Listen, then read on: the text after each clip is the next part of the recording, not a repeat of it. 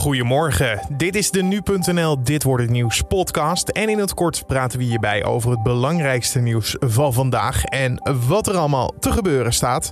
Het wordt lekker weer en de terrassen mogen weer open, maar heeft dat wel nut? Koninklijke Horeca Nederland hoor je daarover. Winkelen zonder afspraken is weer mogelijk vanaf vandaag, maar fun shoppen is nog niet de bedoeling. En minder treinen vandaag vanwege een staking bij ProRail. Mogelijk komen er meer stakingen aan als de vakbonden het niet eens worden met ProRail over de nieuwe CAO. Daarover straks meer. Eerst kort het belangrijkste nieuws van nu. Mijn naam is Carne van der Brink en het is vandaag woensdag 28 april. In Amsterdam heeft de politie 50 mensen aangehouden op Koningsdag. Drie agenten raakten licht gewond op deze feestdag.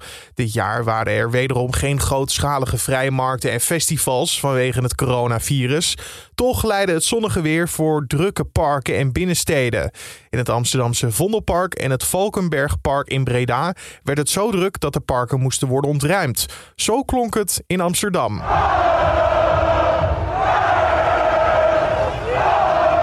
Er zijn door het hele land meerdere mensen aangehouden en boetes uitgedeeld. Mensen geboren in 1955 ontvangen vandaag en morgen een uitnodiging voor een coronaprik. In verschillende provincies kunnen mensen mogelijk kiezen tussen de coronavaccins van Pfizer en AstraZeneca. De keuze is een uitzondering. De mogelijkheid is namelijk ontstaan doordat huisartsen structureel te veel AstraZeneca kregen geleverd. Er is dus kans dat ze over hebben. Maar deze mensen mogen ook wachten tot ze het vaccin van Pfizer kunnen krijgen van de GGD. Op Curaçao is er sprake van een forse daling van het aantal coronapatiënten. De overheid maakte gisteravond bekend dat er nog 700 geregistreerde besmettingen op het eiland zijn. Een week geleden waren dat er nog ruim 2200. Eind maart nam het aantal coronapatiënten in het ziekenhuis plots enorm toe. De premier van het eiland noemde de situatie destijds heel ernstig. De overheid roept de mensen sinds enkele weken actief op om zich te laten vaccineren, om op die manier het coronavirus te bestrijden met succes.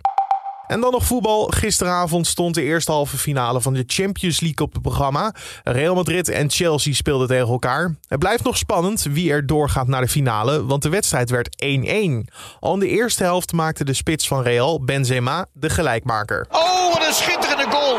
Benzema, weer hij! Zijn zesde, nauwelijks voor het doel van Mendy geweest. Maar Real leeft weer en er staan heel veel blauwhemden omheen, maar niemand kan Benzema beletten om die bal om te halen. Prachtig doelpunt. Zo was te horen bij Zero Sports. Volgende week is de return. De andere halve finale gaat vanavond tussen Paris Saint-Germain en Manchester City. En dan kijken we naar de dag van vandaag. Want de terrassen mogen weer open. Tussen 12 en 6 kan je genieten van een drankje buiten. Er zijn wel voorwaarden aan de opening verbonden. Zo mogen er bijvoorbeeld maximaal 50 mensen plaatsnemen op het terras. En zijn er vaste zitplaatsen. Voor het toilet mag je wel even naar binnen. En dat geldt natuurlijk ook om de rekening te betalen. Al moet dat wel binnen met een mondkapje op. Maar de terrassen die open gaan, zal niet genoeg zijn om weer zwarte cijfers te schrijven. Dat vertelt Johan de Vos van Koninklijke Horeca Nederland-Breda. Nou, in deze setting zeg maar kost het alleen nog maar geld. Uh, en dan uh, met de werkschulden die we al hebben, uh, heeft het ook een behoorlijke impact op je TVL of, je, of je compensatieregelingen, laat ik het zo even zeggen voor, iedereen.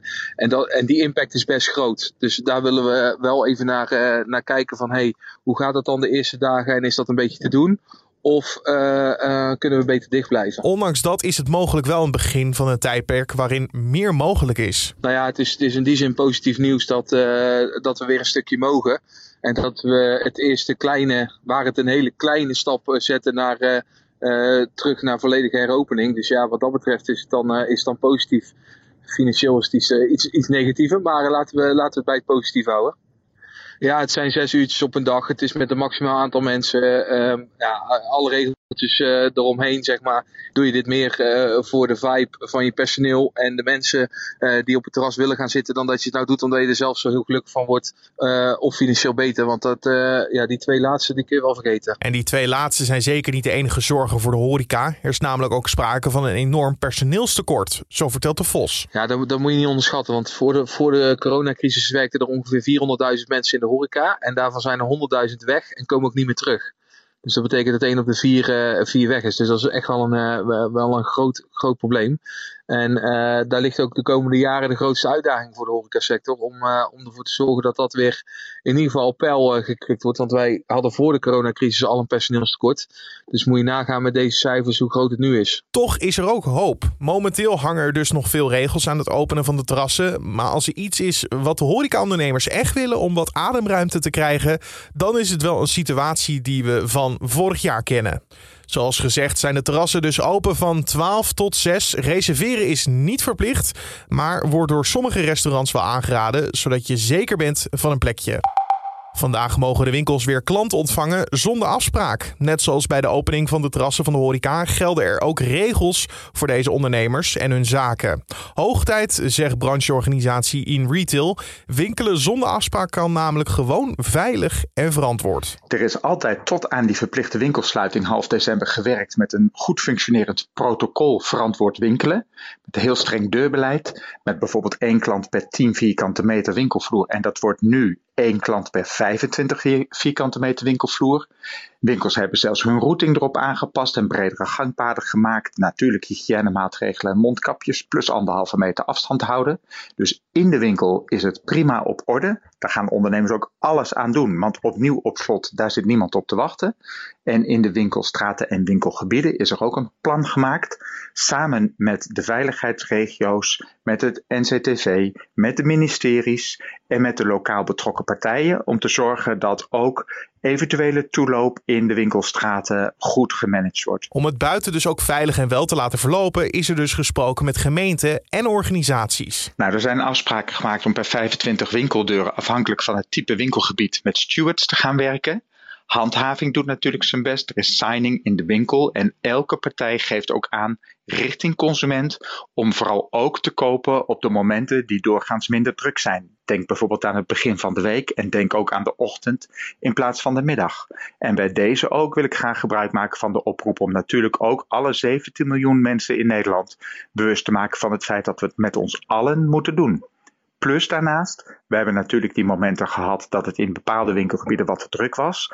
Maar laten we ook vaststellen dat kruispunt Koopgroot-Lijnbaan in Rotterdam bijvoorbeeld niet synoniem staat over hoe de situatie in heel Nederland is. Alles staat dus klaar om winkelen wie juist te laten verlopen. Wel is het belangrijk om te weten dat dit nog niet het moment is om even met vrienden of vriendinnen te gaan fun shoppen. Het advies blijft in navolging van de overheid: koop doelgericht en koop alleen.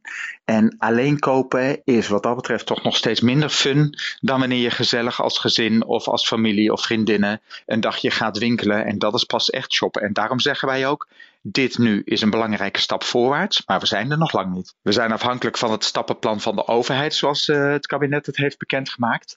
Maar zolang mensen nog met mondkapjes op moeten winkelen, met anderhalve meter afstand houden, met één klant per 25 vierkante meter en wat we net ook al bespraken, het kopen alleen en doelgericht. Ja, dat moet eerst allemaal nog eraf voordat je weer kunt spreken van echt heel gezellig winkelen met de maximale kansen voor ondernemers om op een gezonde manier te ondernemen. Wanneer de laatste regels ook hier weg kunnen is nog niet duidelijk, maar tot die tijd dus alleen de winkel in en doelgericht aan de slag.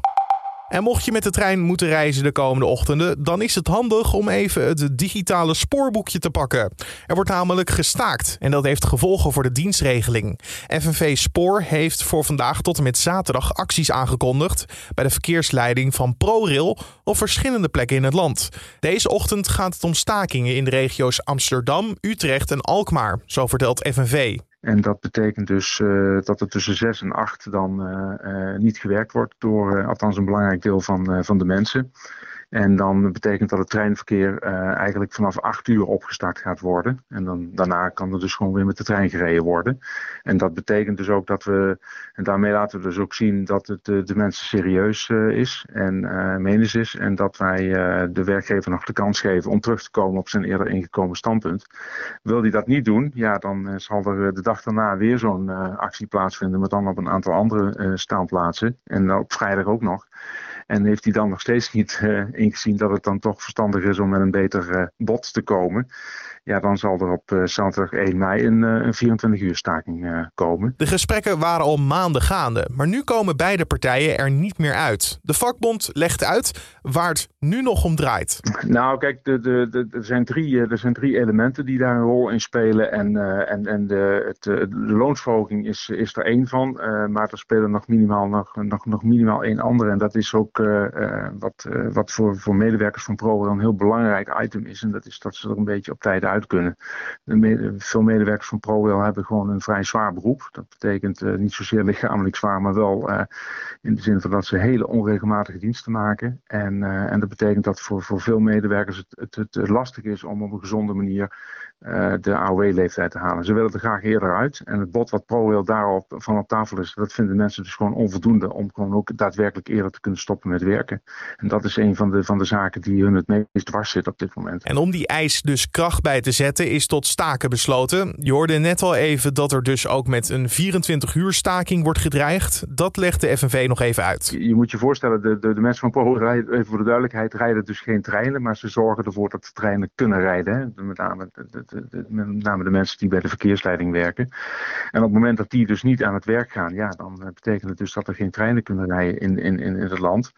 Op 1 mei uh, willen we dan met de staking uh, gaan beginnen. Nogmaals, als we dan tegen die tijd niet uit zijn, zeg ik er nog maar even bij.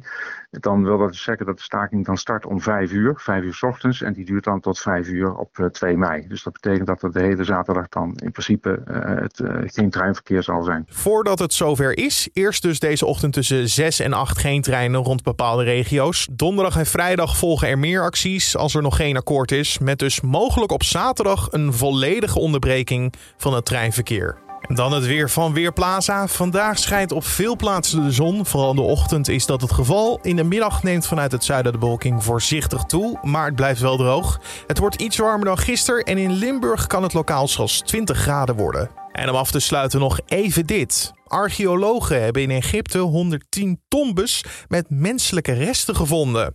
Ook vonden ze diverse voorwerpen die gebruikt werden bij begrafenisrituelen. De meeste tombes komen uit het prehistorische Egypte. Die zijn dus vermoedelijk gebouwd tussen 6 en 3000 jaar voor Christus. De Egyptische overheid hoopt dat deze vondsten de interesse van Egyptenaren in de eigen vaderlandse geschiedenis prikkelen. Nou, ik vind het vooral heel mooi maar ook een beetje griezelig. En met deze bijzondere fonds uit het buitenland sluiten we deze podcast af voor de woensdag 28 april. Laat ons weten wat je van deze nieuwe podcast opzet vindt. Dus de kortere variant met ja, kortere gesprekken, korte quotes. Dus niet een lang gesprek. Eh, je kan ons laten weten dat via ons mailadres podcast.nu.nl podcast.nu.nl We zijn blij met je feedback, dus stuur het vooral door. Mijn naam is Carne van der Brink. Ik wens je een hele mooie dag vandaag. En tot de volgende.